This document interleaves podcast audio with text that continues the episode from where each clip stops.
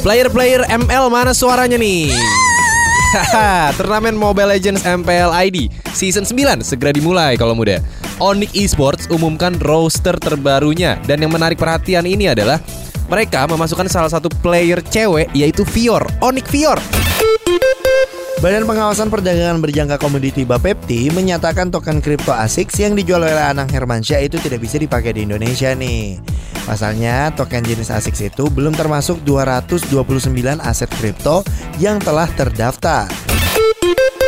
Wah, ini gawat kalau muda. Snoop Dogg digugat oleh seorang perempuan yang tidak dibuka identitasnya atas kasus pelecehan seksual. Dengerin Prambors News selengkapnya cuma di Prambors Radio, tempat anak muda mangkal. Get it on Play Store and App Store.